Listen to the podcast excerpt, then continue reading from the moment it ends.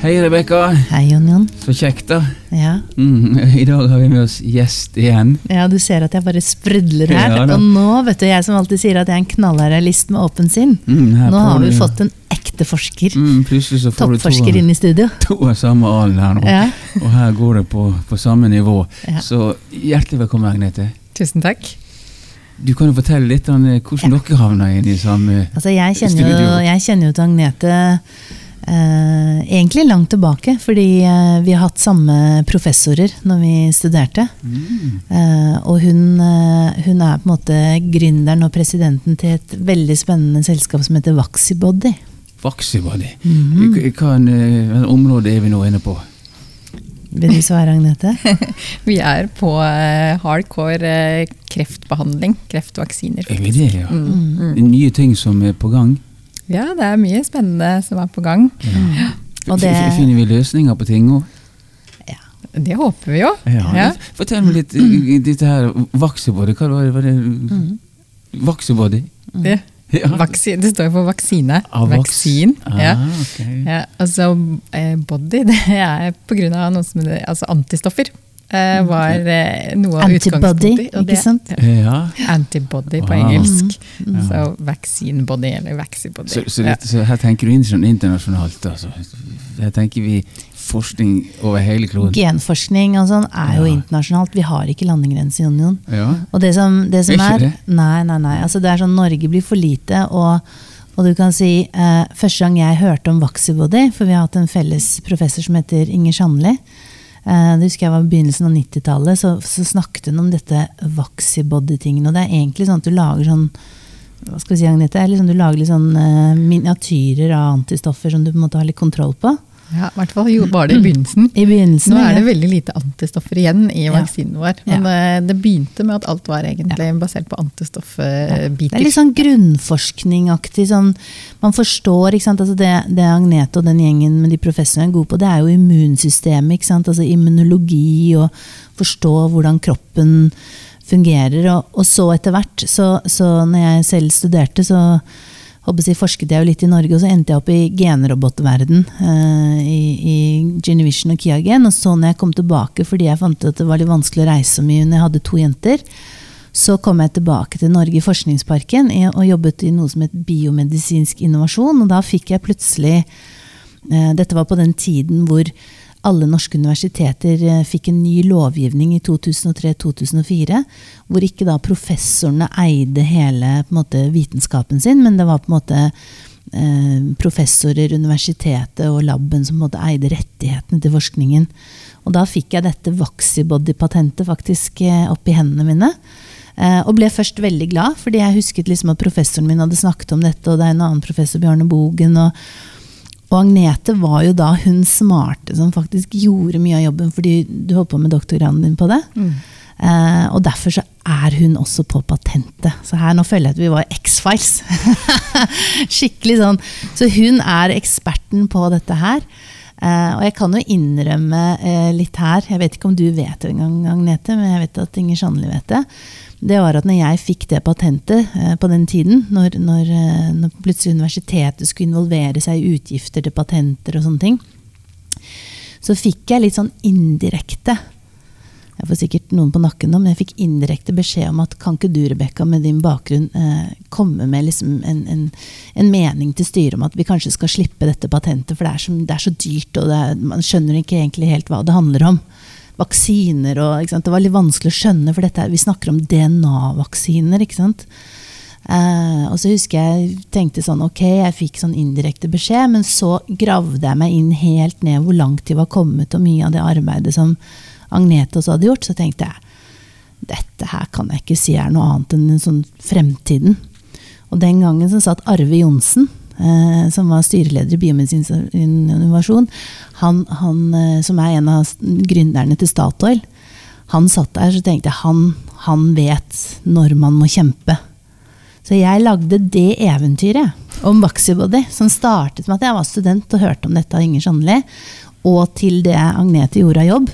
Og så solgte jeg inn at dette er fremtiden, dette er morgendagens eh, vaksine og kur. Og nå var jeg så glad når jeg leste for ikke så lenge siden i avisen, og Trygve Hegna skrev om det, at nå har da gründeren og forskeren med Agnete nå har dere hentet inn tror jeg det sto 220 millioner, for nå skal dere teste dette her ut på mennesker.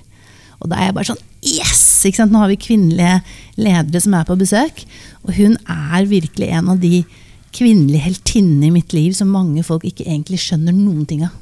Ok, da du Det var mange ord. Det var, det var Q, har jeg sagt. Vi vanlige folk skjønner ikke bedre av hva du snakker om. Nei. Men kanskje du, Agnete, kan forklare meg hva Rebekka sitter her og overøvler om? Nei, det handler jo litt om å være litt forut for sin tid, vil jeg si. fordi det er jo mye grunnforskning som eh, kan gå i alle mulige retninger.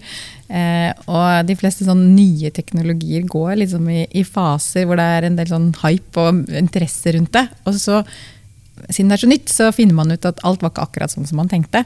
Så vi var vel litt sånn, Da vi startet, så var det sånn DNA-vaksiner hadde akkurat vært litt kult. Og så nei, det var ikke så bra lenger. Og så mente jo vi at vi hadde liksom en ny vri på det, som gjorde at dette her kunne jo bli kjempespennende. Mm. Hvis vi bare gjør det på vår måte.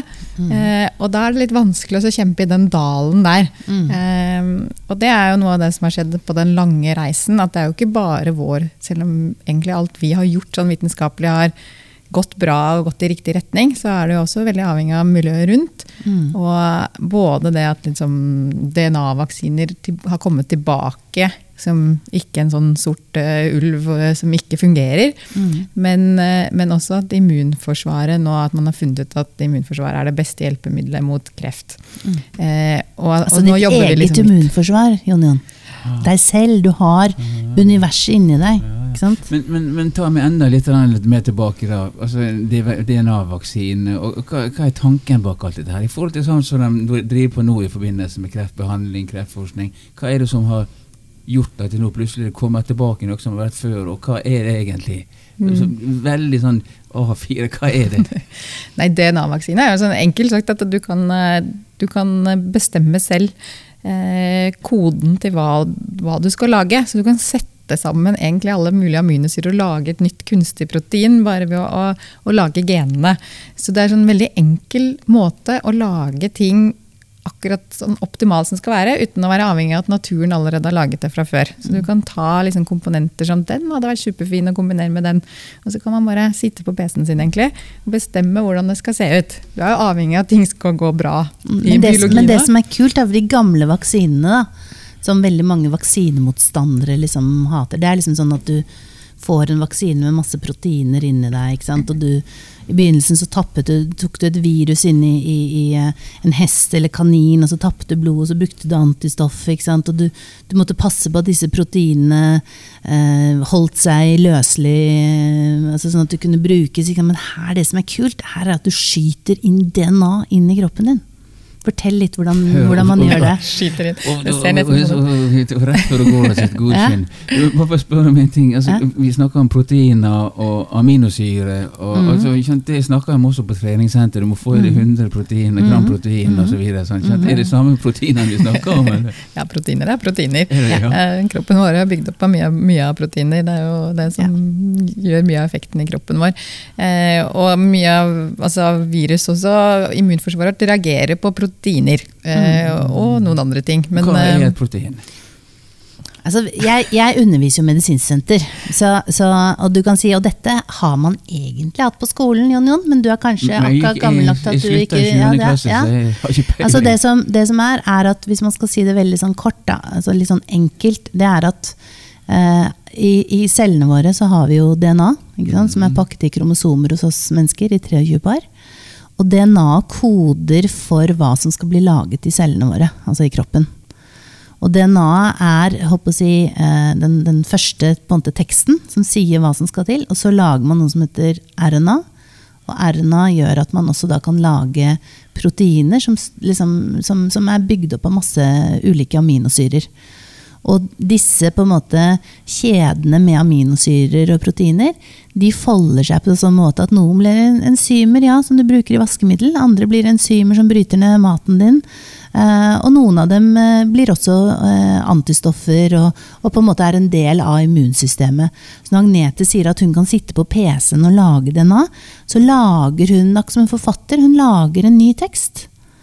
Og den teksten hun lager, den lager hun for at den skal bekjempe akkurat din kreftsykdom. For det er det som er kult med denne vaksinen her. Og, sånn, og, og dit lang, så langt er vi kommet, altså. Ja. Mm. Og hun er the master brain. Wow. Ja. Fantastisk. Ja. Det, eh, men altså, er det håp i hengende snøre her? Altså, vi kan klare å få eh, bukt med eh, forskjellige typer kreft, eller alle typer kreft? Eller? Ja, altså det, det vi holder på med nå, så er jeg Masterbrain. Dette er jo en stor del, stor organisasjon som vi har blitt nå i Vaxibody. Mm. Og, og, Du representerer sier- dem, da. Og Bjarne Bogen og Inger Ja. Bare for å ha sagt det, var jo, eh, vi er, jo like, likeverdige oppfinnere på dette i begynnelsen. Men, eh, men ja, vi har kommet så langt nå at vi vet egentlig eh, tror vi vet i hvert fall hvordan vi kan klare å få immunforsvaret vårt til å bekjempe kreft. For det skjer jo allerede nå. Siden 2011 har det vært sånn major breakthrough eh, på det. Men den, noen, I Norge kaller vi det stort sett immunterapi, som egentlig betyr at immunforsvaret vårt går til angrep på kreft. Men det er noe som heter sjekkpunktinhibitorer, som ligger bak den suksessen, stort sett. Og det går på at eh, så lenge vi får immunforsvaret vårt til å angripe det endringene som er i kreftcellene, som ikke du har i friske celler, eh, så har vi sett at eh, vi kan faktisk få kreftsvulster til å forsvinne eller stabilisere seg. Sånn at vi At det ikke sprer seg, ikke for det er spredning av kreft man prøver å unngå. ikke sant? Og med, relativt, altså med, med noen bivirkninger, men ikke så dramatiske bivirkninger. Så det er kjempeendringer, og det kommer nye resultater og noen nye forbedringer og kombinasjoner rundt dette nå hele tiden. Nesten alle jobber med immunterapi hvis du jobber med, med kreft nå. Og det har endret seg, fordi man prøvde veldig lenge å få immunforsvaret til å angripe kreft. Man har tenkt at dette må jo kunne gå, uh, uten å få det til. Og så har man jo innsett litt hva som har vært begrensningene, og går den riktige veien. Og når man først får en sånn suksess, så er det så mye som baller på seg. For da begynner du å skjønne men hvorfor funker det den pasienten og ikke den. Og så skjønner vi hva som skal til.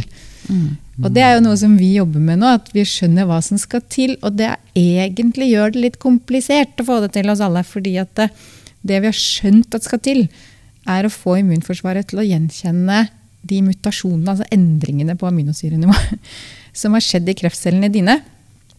Og det er ikke de samme som har skjedd i kreftcellene mine. Nei. Så det er det vi jobber med nå.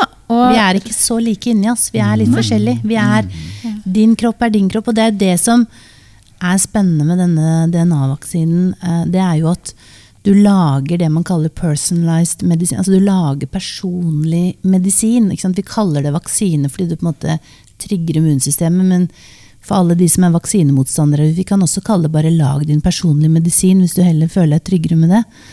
Og, så, og, så, og så får du faktisk at den vaksinen, hvis hun hadde tatt eh, en kreftsvulst ut av meg, en blodprøve og en av deg, så ville våre medisiner vært forskjellige, fordi du er Jon-Jon og jeg er Rebekka. Og, og fram til nå så har han egentlig brukt det samme på alle. Ja. ja. Bare spørsmål med, eh, med immunforsvaret eh, er i stand til å, å hanskes kreftceller til et visst stadie, er det sånn?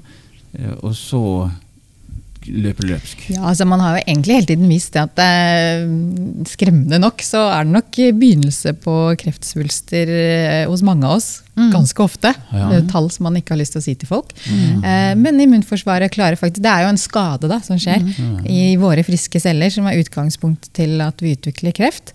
Eh, Stort sett så klarer immunforsvaret å gjenkjenne det som da er noe fremmed som har skjedd i den cellen. Og det er egentlig det immunforsvaret reagerer på. Det er lært opp til å ikke gjenkjenne våre egne friske celler, men skal egentlig drepe syke celler som har endret seg eller blitt infisert av et virus. eller det, er sånn, det er vårt sikkerhetsnett, som man oftest kaller kroppens reparasjonssystem. At du ikke hele tiden får hudkreft hver gang du er ute i solen. Ikke sant? Men når du da blir eldre, så blir både immunsystemet og reparasjonssystemet litt sånn rusten. Man blir litt eldre, og derfor får man mye av disse alderdomssykdommene. På et tidspunkt, Hvis du lever veldig lenge, så vil de fleste på et eller annet tidspunkt kanskje få kreft eller andre sykdommer, som rett og slett handler om at sikkerhetssystemet ditt ruster litt. Ja. Og så sier du at uh, bivirkningene er mindre. vil du si at det, altså, behandlingsmetodene kan gjøres enklere, så ikke du får så mye ettervirkning. Ja, altså Det man har eh, gjort istedenfor å gå inn med type kjemoterapi og den type tradisjonell kreftbehandling, så har man jo egentlig bare gitt gift inn i kroppen og sagt å, egentlig så alle celler som er i nærheten av den giften, vil vil dø. Enten de er kreftceller eller friske. ikke sant? Så da får du jo en del bivirkninger som du ikke har lyst til, og dermed hårtap og diverse andre av, av den type eh, bivirkninger. Men nå er det immunterapien, og den immunterapien som, som nå er på markedet, som funker bra, har eh, noen bivirkninger som går mer på at den, den lar immunforsvaret gå litt mer amok. Så den kan også i noen tilfeller eh, få, immun, få at du får noen autoimmune sykdommer som bivirkning.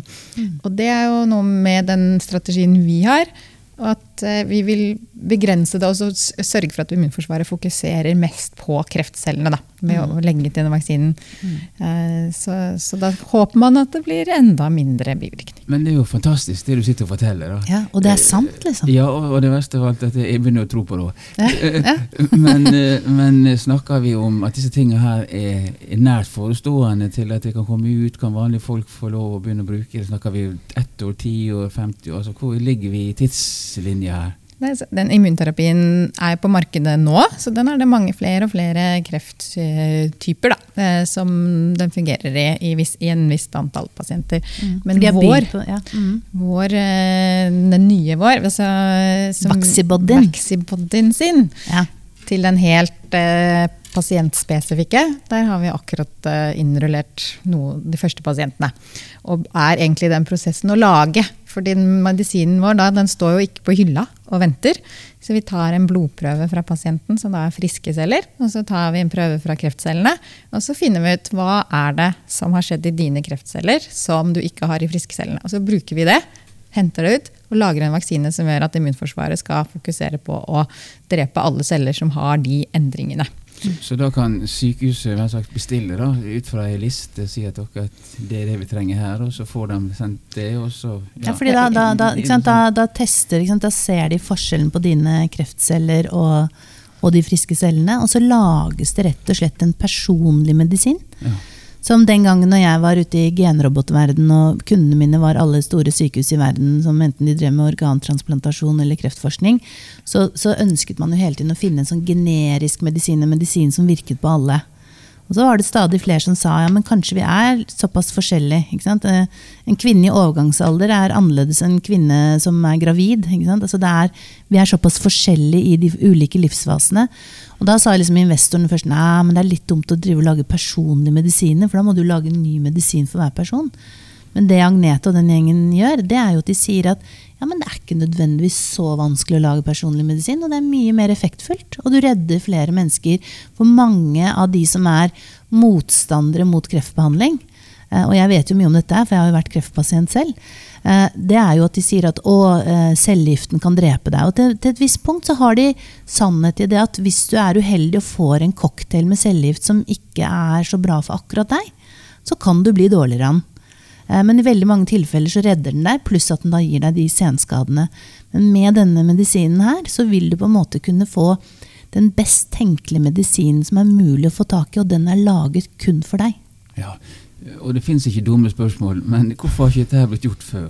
Ja, Det er et veldig relevant spørsmål, fordi det går tilbake på alt den skeptiske skep mm. som man har hatt før også. fordi eh, Dere husker sikkert den sauen Dolly, eh, som var den første som du eh, fant ut klota hele, så på alle genene Ja. til dette dyret. Og det tok elleve år.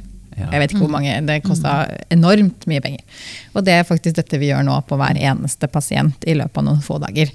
Så det er, jo, det er jo ikke vår teknologi, men liksom teknologien går framover og muliggjør at man kan gjøre dette, og man muliggjør at man kan gjøre det raskere og til lavere kostnader. Så det er jo den rundt at nå kan vi faktisk ta den prøven og finne ut disse endringene for hver pasient veldig raskt. Altså det har Vi litt sånn, vi har jobba med Vaxibody som Rebekka sier, i mange år.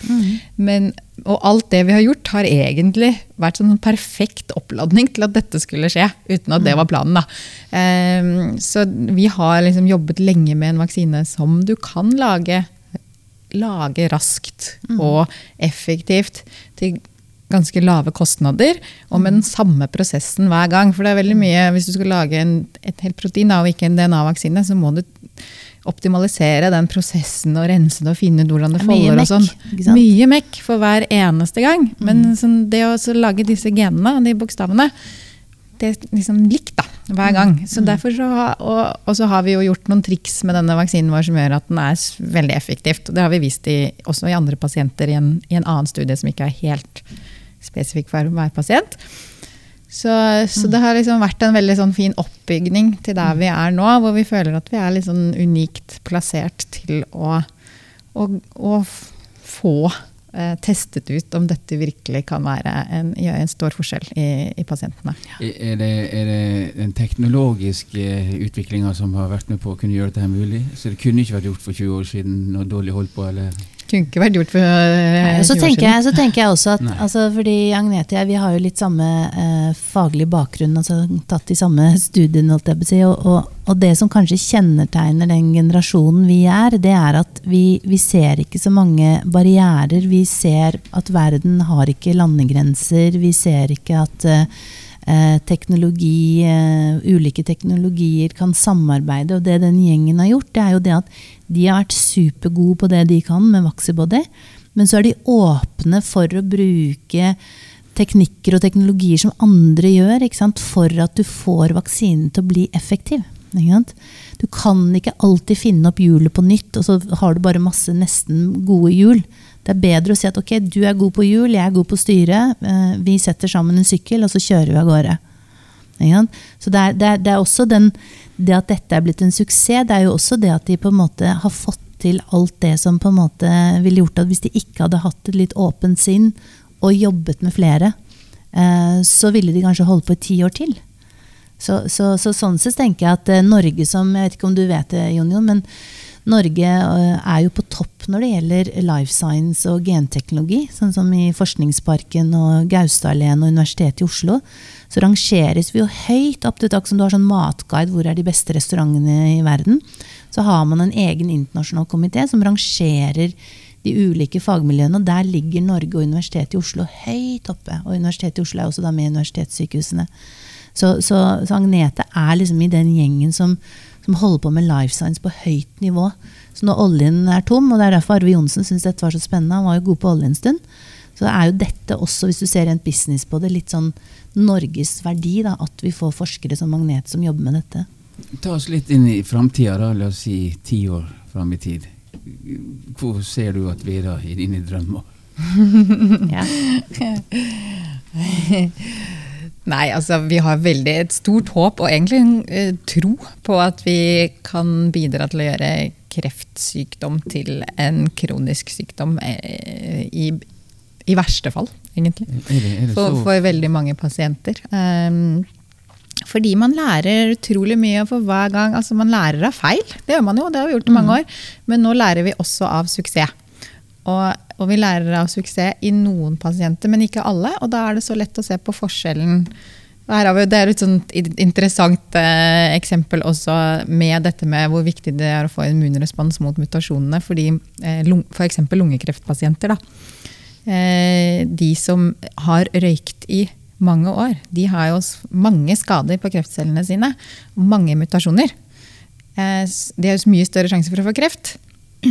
Men de har også mye større sjanse for å få hjelp av immunterapien enn en av de uheldige lungekreftpasientene som har fått kreft uten at det er så mange skader eh, i kreftcellene sine. Så alt dette lærer oss jo at eh, du må, finne, du må få immunforsvaret til å reagere på disse endringene som vi, som vi nå kan gjøre. Eh, så, og det tror jeg at liksom, det er jo ikke nødvendigvis at det er helt 100 i de første i, i de første pasientene, men vi kommer definitivt til å lære. Og vi gjør nå så optimalisert som vi kan gjøre med alt vi vet til nå. Og tar også masse prøver for å finne ut hvordan fungerte det, og hvor, hvorfor fungerer det i noen pasienter og, og ikke så bra i andre. Det har vi jo sett i den første studien vår også. Det fungerer veldig bra. Og så har vi veldig sånn logiske forklaringer på de pasientene som ikke har den helt optimale kliniske responsen. Og da kan man alltid lære å få det enda bedre. Så ti år fram i tid er lenge. Eh, Så da er det mange som jobber med dette. Vi er ikke de eneste. Da tror jeg det er mange som er kurert, altså i forhold til kurert i den forstand at du ikke dør av kreft. Eh, og, og du kan si det jeg tenker som, som eh, er viktig her, det er at veldig ofte når man snakker om kreftvaksiner eh, i aviser, når det er store oppslag, så snakker man om i museforsøk, men Agnete snakker faktisk om menneskene allerede. ja.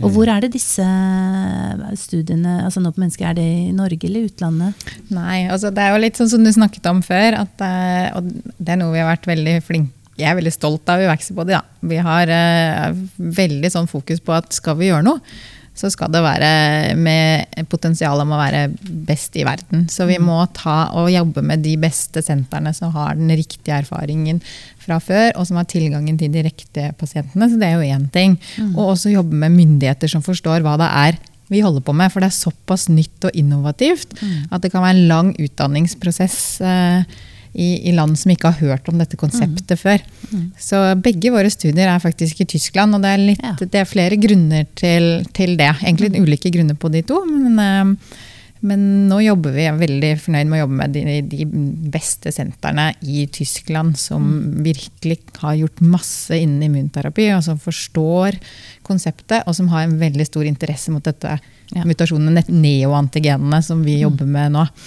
Og det er kjempeviktig. Det er veldig viktig er, samarbeid. Det er det som er viktig. Det er litt sånn du vet, Det er litt sånn som uh, når uh, jentene mine spurte hva jeg jobbet med når jeg var ferdig med genroboter, som hadde fisket ut DNA med magnetiske kuler, og når jeg da begynte i biomedisinsk så sa jeg jeg er litt sånn, sånn dommer i Idol. ikke sant? Altså Vi velger de prosjektene som på en måte har noe, og som på en måte man skal satse på. Og det som Magnet sier nå, det er at man jobber med myndigheter og de viktigste, viktigste sentrene som, som, skjønner verdien av dette her.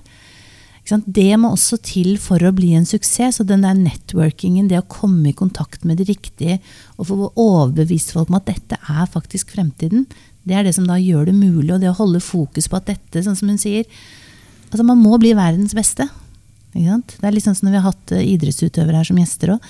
Du må tørre å tenke den tanken. Du må slenge janteloven over skulderen. Og så må du tørre å på en måte stole på deg selv. Og det er det det viser at, at man kan gjøre i dette tilfellet. Kan uh, denne teknologien brukes hos andre sykdommer som Alzheimer eller hjerte-karsykdom osv.? Er det håp for det? Eller? Det andre ting til, da? Eller er ikke det ditt område? Ja, altså det er flere lag av dette. Altså nå, det som er litt spesielt med den, hvis det begynner så snevert som mulig, men allikevel litt bredt, er at det prinsippet som vi gjør nå, tror vi at kan ha potensial i alle typer kreftsykdommer. Så lenge mm. du klarer å finne minst én mutasjon av den riktige sorten. Så begynner vi på, no, vi begynner på fem kreftsykdommer, hvor vi tror det kanskje kan være enklest å starte. Men, men se for oss at det er et potensial i så å si alle kreftsykdommer. Mm. Men utover det så kan det vokse på det prinsippet, plattformteknologien vår, kan fungere som en vaksine mot de fleste andre, eh, andre sykdommer. Så det er da virussykdommer og bakterier mm. Eh, sykdommer også. Eh, altså autoimmunitet, Vi har gjort noen sånne små grunnforskninger rundt det også, sånn at du kan få immunforsvaret ditt til å gå liksom andre veien. da. Eh, skru det av istedenfor å skru det på, som man potensielt kan bruke plattformen til. Men ikke, vi har ikke veldig mye data rundt det. Men hjerte og kar og sånn er noe annet. Altså det, immunforsvaret vårt vi jobber med i Vexibody. Ja, mm. så, så, det er et helt annet område. Ja. Men disse fem sykdommene som du sier, dere konsentrerer dere om, eh, de fem kreftsykdommene som, som er mest aktuelle nå, hva, mm. kan du si hva de er? Ja, Det er føflekkreft. Der er det mange mutasjoner pga. UV-stråling som vi utsetter oss for i stor grad i disse dager. Mm. mm. og lunge. Eh, mange mutasjoner på mange av de som har utsatt seg kropp kroppen for røyking. Og så er det blære og nyre og hode-hals. Mm. Så det er alle fem krefttyper hvor disse, den andre typen for immunterapi allerede har vist en viss type effekt og er godkjent og på markedet. Mm. Uh, så, så, det er en, en, en logisk start. Mm. Hvor vi kan forvente mest mulig det er enklest å finne disse målene som vi skal putte inn i vaksinen. Mm.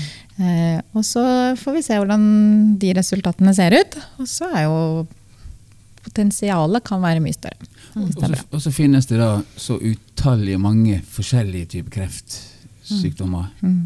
Uh, og, og, og, innenfor der finnes det sikkert mange forskjellige der igjen. ikke sant? Altså, mm. Så det er et stort lerret. Si sånn, hun kommer ikke til å bli arbeidsløs. Men, si det som, men, det som, er viktig, da, det er å det som Magnete sier, og som, og som, vi som selv har stått og forsket på laben, det er at vi sier ofte at for å forstå det komplekse, så må du starte med det enkle. Hvis du får kontroll på det enkle, så kan du på en måte få en del data, du kan se hva som fungerer.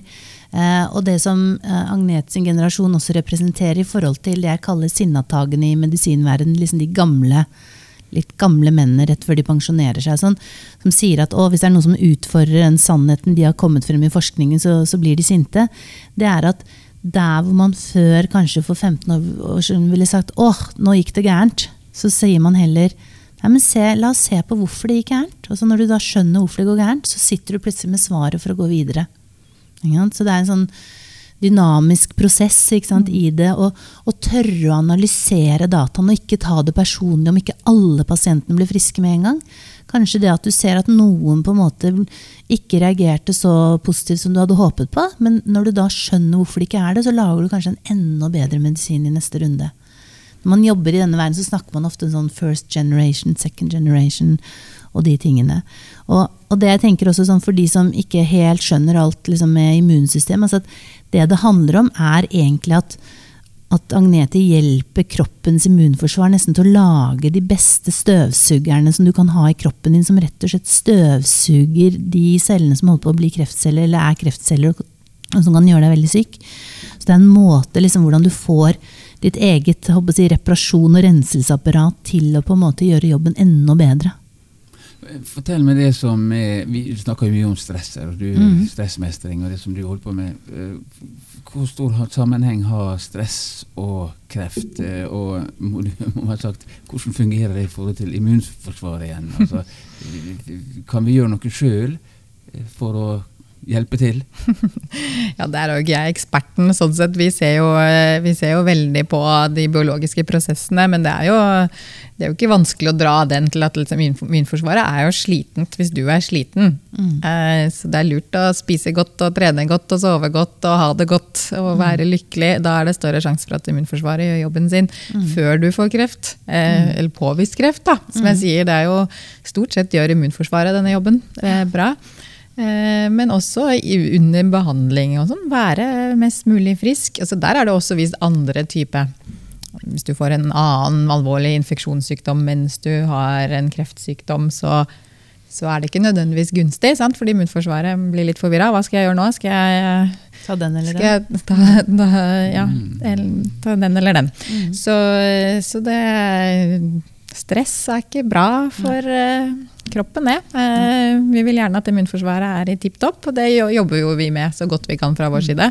Så får vi håpe at de um, pasientene Så hun, Agnete går liksom direkte på immunforsvaret, og litt sånn som når vi har snakket før i andre podkastepisoder, er at når du stresser mye Husker du vi hadde noe som heter autonome nervesystemet? Altså det som passer på at kroppen gjør det den skal uten at vi trenger tenke på det. Det er delt opp i to. Det parasympatiske og det sympatiske. Det sympatiske er det som sørger for at vi stresser mer, altså stressresponsen. Mens det parasympatiske passet på næring, hvordan vi tar opp næring, på søvnen vår, men også på de faktorene som passer på immunsystemet vårt, som jeg pleier å si, vaskekona og han som oljer dørene som knirker. Og hvis, det, hvis vi stresser mye, så velger hjernen vår å skru av det parasympatiske, altså det som egentlig skal passe på, på immunsystemet. Men det Agnete gjør, er at hun går rett inn og sier liksom til immunsystemet ok, her er du, nå putter jeg inn en vaksine, og så gjør vi sammen den jobben for å bli kvitt den der kreftcellen. Så det er på en måte to måter å si, bruke immunsystemet Men vi har jo liksom, Kroppen vår er jo slik at den ønsker å reparere oss hele tiden. Men, men, men hvis det blir for mye for den, eh, så kommer den i ubalanse. Og det Agnete og den gjengen gjør, det er at de, de, de, de finner ikke opp immunsystemet. De bare utnytter det. De bare lager triggerne og skjønner eh, hva holdt på å si, det som du har lyst til å bekjempe, eh, hvordan du kan markere den i forhold til friske celler, og så gå og ta liksom, the bad guys. Så, så på min eh, hjemmebane, som er Zanzibar, for å si det sånn, mm -hmm. som, så der, der, sagt, kreft er nesten fraværende i de aller fleste former mm. eh, baserer seg på ikke på at de har et sterkere immunforsvar enn oss, men de har mindre stress. Så dermed mm. så har de et mm. friskere immunforsvar. Mm. Så det er forholdsvis enkelt. Jeg har forstått det sånn. Ja, altså, Det er ikke jeg ekspert på, liksom, men det kommer jo mer og mer data rundt vitamin D etc. Mange, mange ja. aspekter som, eh, som, kan påvirke hvorvidt immunforsvaret ditt eh, jobber optimalt eller ikke. Eh, så alt dette jobber jo Alt fungerer henger henger jo sammen. Da, og vi på vaksinefronten vi prøver å overvinne de andre komponentene som kan påvirke deg. Og, og si til immunforsvaret at uansett hvor sliten du er, så kom igjen, da. Jobb. Eh, fordi immunforsvaret har jo egentlig gitt opp når du har kreft. Det har jo hatt muligheten. Og det har egentlig gitt opp og sagt at nei, disse her kreftcellene de klarer ikke jeg å gjøre noe med. Eh, de får jo bare vokse, de. Ja. Eh, og, det, og det er jo en ekstra tøff kamp å vekke opp immunforsvaret, som allerede har sagt at nå, dette har jeg ikke lyst til. Nei. Eh, så det er jo også litt sånn med stress, så vi håper jo på en måte å kunne si fra at selv, selv om du ikke har sovet på natta eller stresser og da er jeg jo et godt eksempel på stress, så du må ikke snakke for mye om det. Men, du, får komme, du får komme på senteret mitt og meditere litt og gjøre litt yoga. Så, så, eh, men, men jeg tenker det er veldig viktig, og du kan si jeg får jo veldig mange leger som sender sine si, kreftpasienter som har kanskje gått gjennom en medisinsk behandling, og fordi jeg har jobbet mye i kreftlandskapet, til å komme for å stresse ned. For veldig ofte så er det det at når man har kreft, og jeg har jo selv vært kreftpasient, eh, det er at man er redd for liksom, at du får tilbakefall. Så der, når vaksinen til Agnete og de på en måte gjør jobben og på en måte vekker immunsystemet, sånn at det faktisk på alvor fjerner de kreftcellene, så kan du videre som en del av si, en komplementærbehandling også passe på at, at du stresser ned. Sånn at du ikke på en måte får det slitne immunsystemet. At hvis du går ut i solen og får for mye UV-lys, eh, og du får en, en føflekk som kan utvikle seg til kreft, at, at du da på en måte, når du først har fått den der restarten, så bør du på en måte ta vare på det nye systemet. Det er jo det vi ser som immunforsvaret kan gjøre. Også, som, dette er jo veldig gøy for de forskerne som vi har i Vaxibody som går på, på laben og gjør studier selv. at du kan, eh, Hvis du trigger immunforsvaret, så kan du få kreftceller til å, liksom, som vokser. Og så kan de stoppe å vokse fordi du begynte å trigge immunforsvaret. Og så kan de faktisk få svulstene til å bli borte. Og det kan ta kort tid, det kan ta lang tid, det kan være en kamp mellom kreftcellene og immunforsvaret. Og så vinner immunforsvaret til slutt. Og da kan du faktisk gi disse kan du gi dem en ny dose nye kreftceller, og da ser du ingen tegn til det. For da har immunforsvaret lært opp til å bekjempe dette for all framtid. Litt sånn som barnevaksinene våre Altså, er, fungerer. Det, Mm. dette, her, dette her er så kult, eh, Jon Jon. Altså, du merker at jeg blir litt rar av dette her. Ja, du blir helt tullete. Ja, og, du kan si, og, og, det, som, det som er sånn fantastisk, synes jeg, det er at, at det faktisk skjer noe. Uh, så jeg tenker den kampen jeg tok og fikk med Arve Johnsen, at vi liksom sa dette må vi kjempe for. Nå skjer det. Nå er det mennesker. Ok, det skjer i Tyskland. Jeg er halv berliner, så jeg kan godta at det skjer i Tyskland. Men jeg vil også oppfordre, hvis det er noen, noen jeg, eh, politikere eller investorer her i Norge, å si at hvorfor gjør vi det ikke mer i Norge? Eh, Vi har fantastiske utprøvningsenheter. altså Vi burde kunne gjøre det enda mer i Norge. Nå har du heldigvis fått med deg 220 millioner eller noe sånt av norske investorer, men, men det er klart at dette bør vi være stolte av i Norge. At vi faktisk har på en måte en juvel nå som på en måte begynner å skinne, og det begynner å skje ting. Alt skjer ikke ute i verden i Amerika og andre land. Altså, vi har toppforskere her i Norge. Og vi har folk som klarer å få patenter på plass. Og nå er vi mennesker, og, og, og vi, dette er den gjengen vi må heie på. Ja, og jeg skjønner jo da med min enkle apehjerne at eh, eh, immunforsvaret, det er nøkkelordet her. Og, og jeg forsto også med denne, heiinga og 'kom igjen nå', ikke, ikke ligge og late, men jobb med saken. Det er egentlig grunnsaken i det. da. Altså Vi må tørre å være i fronten av forskningen internasjonalt. Eh, og ikke bare gjøre det litt bedre. fordi det er jo som Rebekka sier, vi, vi, det er ingen medisin du utvikler for Oslo eller Oppland eller Norge. Mm. det må være best i hele verden hvis det skal bli en medisin. Eh, og da må vi tørre å, å ta de store skrittene og de store risikoene. Biotek i seg selv er risikosport. Det er mye som ikke vinner fram til slutt. Ja. Men eh, det vinner i hvert fall ikke fram hvis du bare prøver litt. Nei. Og der har Norge, det må jeg bare si, vi er fantastisk gode i akademia. Men det har, i forhold til USA, så hvis de har en god idé, sånn som dette, kjempespennende, god idé, nå kan vi endelig gjøre noe med, med det. Våre konkurrenter starter jo med en sum på 50-100 millioner dollar og tiltrekker seg de beste folkene med en idé.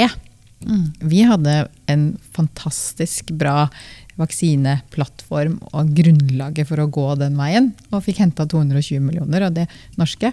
Og, kjempefint, men vi er vant til å jobbe med Det har vært mange år hvor vi har Ja, ja. gått på én million og to millioner. Ja. skal vi Det er egentlig en låne. skam. Det er egentlig en skam. Altså, du kan si, jeg har vært med å hente inn penger før til, eh, til den type prosjekter. Så jeg tenker liksom at nå, nå må liksom eh, norske investorer og politikere våkne litt opp. At liksom det nye, den nye oljen, den er her. Så, så, og du kan si Det er det som er synd. Jeg har jobbet mye i den bransjen. At veldig ofte når du får gode ideer, så ender det med at du må ta det i utlandet. Det hadde jo egentlig vært kult hvis disse pasientene var her i Norge.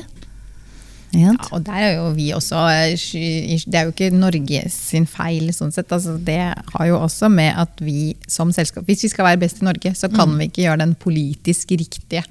Eh, og, og ta vare på Norge og prøve å ha norske selskaper som holder med. Og vi må ta de som har kommet lengst, hvor det er minst mulig risiko for oss at ikke vi lykkes til slutt. Vi Ja. kan ikke ja. sørge for at Norge, Norge kom, blir satt på kartet annet enn enn vårt eget eh, vårt produkt, da, som jo også setter Norge på kortet. Men vi er nødt til å få lov til å jobbe med de som er aller best på alle deler av prosjektet vårt, sånn at Ja. vi kan lykkes. Og så vil det jo Vi håper jo at ikke dette bare er en klinisk studie som foregår i Tyskland, men hvis det fungerer, så vil det jo spre seg. Og da er det også lettere Ja. å ta med nye sentre hvor de ikke har vært så eksponert til ideen før. Da. Både DNA-vaksiner har så vidt meg bekjent, ennå ikke blitt testet i Norge. Og da er det vanskelig for et biotekselskap å være den som bryter barrieren. Eh, og får myndigheter da, først og fremst til å å tørre å si at det er greit første gang. Mens i Tyskland har det vært testet så mange ganger, og i USA så mange ganger. Og de er så sikre på at dette er en fin og trygg måte å gå videre.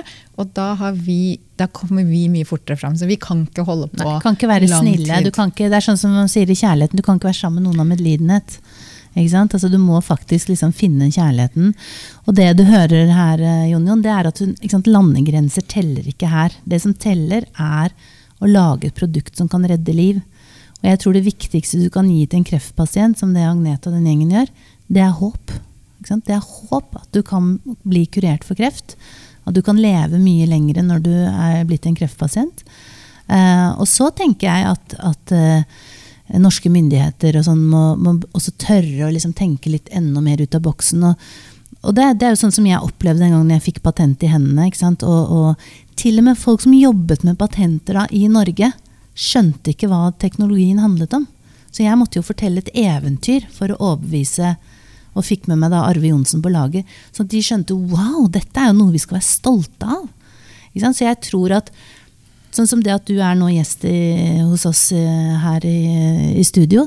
Det vi gjør, Jon Jon, det er at vi bringer det hun gjør, ut til folket. Fordi det er folket som må forstå hva verdien i denne teknologien er. Vi må tørre å fortelle vaksinemotstanderne at her lager ikke på en måte vi noen medisiner vi bare skal tjene masse penger på. Her lager vi din personlige medisin hvis du får kreft. Og det syns jeg alltid er så interessant med vaksinemotstandere og de som er imot legemiddelindustrien. Jeg sier alltid vi må jobbe sammen, vi må bygge broer. Veldig mange som er eh, motstandere av vaksiner og medisiner. Med en gang de selv blir syke, eller har en de er glad i som er syk, så kommer de til meg og spør om jeg kjenner noen som kan hjelpe dem.